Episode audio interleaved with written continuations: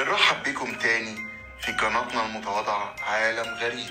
النهاردة معانا قصة مرعبة جدا من قصصنا المعتادة. القصة حقيقية وهي عن الجن والأشباح واقعية على لسان صاحبها الحقيقي. موضوع اليوم موضوع مشوق ورائع جدا ومثير حيث نقدم لكم هذه القصة الحقيقية التي تتكلم عن الجن والأشباح. والمناطق المسكونة بالجن والعفاريت. القصة مرعبة جدا ومخيفة. لذلك ننبه عليك. إذا كنت أقل من 18 سنة أو قلبك ضعيف ما تكملش الفيديو. هذا تحذير منا لأنها قصة حقيقية ونحكيها لكم من المصدر.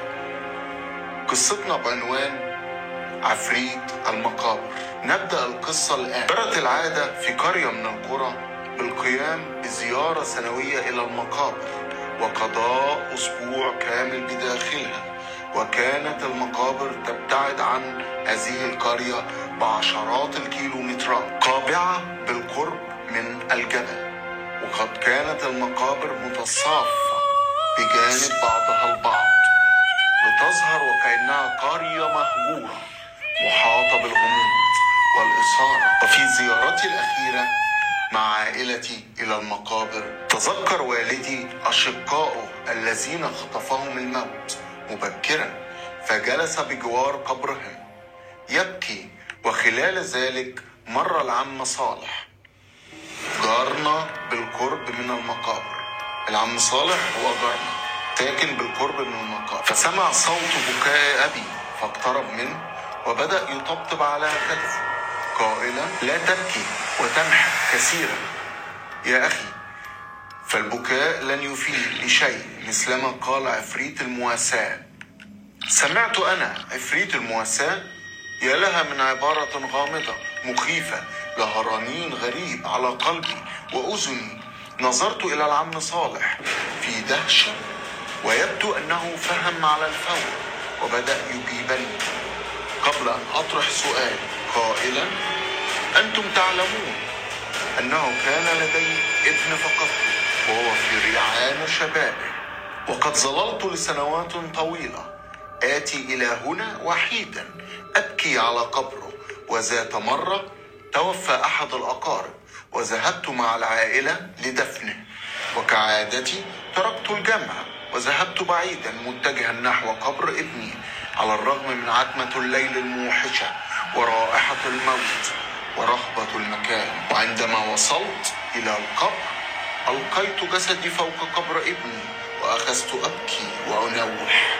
وهنا سمعت صوتا من خلفي يقول مرت سنوات عديدة وأنت تأتي إلى هنا وتبكي على ابنك. يكفي بكاء فإنه لن يفيد بشيء. ثم شعرت بهذا الشخص يقترب مني وأنا لا زلت غارقا في دموعي. وقال هيا ناولني يدك لأساعدك على النهوض ظننت أنه أحد أفراد عائلة المتوفي فقد تبعني وجاء خلفي وعندما قررت النهوض وضعت يدي عليه فاخترق ذراعي جسده وكأنني اتكأت على الهواء. انتصبت في ذعر وإذا بي أرى أمامي عفريت له عينان تتوقدان كأنهم جمر يلتهب وفمه يتسع كبئر عميق. خيم الصمت علي لثواني مرت علي كأنها سنوات وكل منا يحدق في وجه الآخر. أسأل نفسي حينها هل أبدأ بالركض الآن أم سوف يتلاشى في هدوء؟ رحت أسأل نفسي وبدون أن أشعر. وجدت نفسي أصرخ صرخة كاد أن يفزع منها الموتى. وانطلقت هاربا مذعورا فخرجت منه ضحكة مخيفة تلاشى صداها في سكون الليل بين الأموات. صرت أركض في المقابر وقلبي يكاد يتوقف من الخوف والرعب. وأنا أتخيل أن العفريت يركض خلفي ولكنني لا أقوى على النظر للخلف عدت إلى حيث الجنازة ولكنني لم أجد أحدا.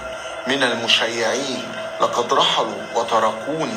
امتلأ قلبي بالذعر فأنا وحيدا في المقابر. شعرت بروحي تخرج من جسدي. ثم رأيت أحد الأشخاص يأتي من بعيد. يشق الظلام بنور شعلة من النار فعادت الطمأنينة شيئا فشيئا إلى داخلي. لقد شعروا بعدم وجودي وعادوا ليبحثوا عني. ومن يومها وأنا لم أجرؤ على الدخول إلى المقابر وحيدا أبدا.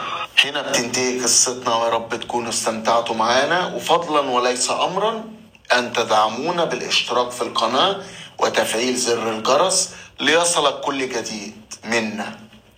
وإذا عجبك الفيديو ما تنساش تعمل لايك وقول لنا رأيك في الكومنتات. ولو حابب تتواصل معانا أو ترسل لنا قصتك المرعبة لعرضها في القناة هتلاقي حساب الفيس وال- والإنستا والتويتر والتيك توك في صندوق الوصف. وشكرا ليكم.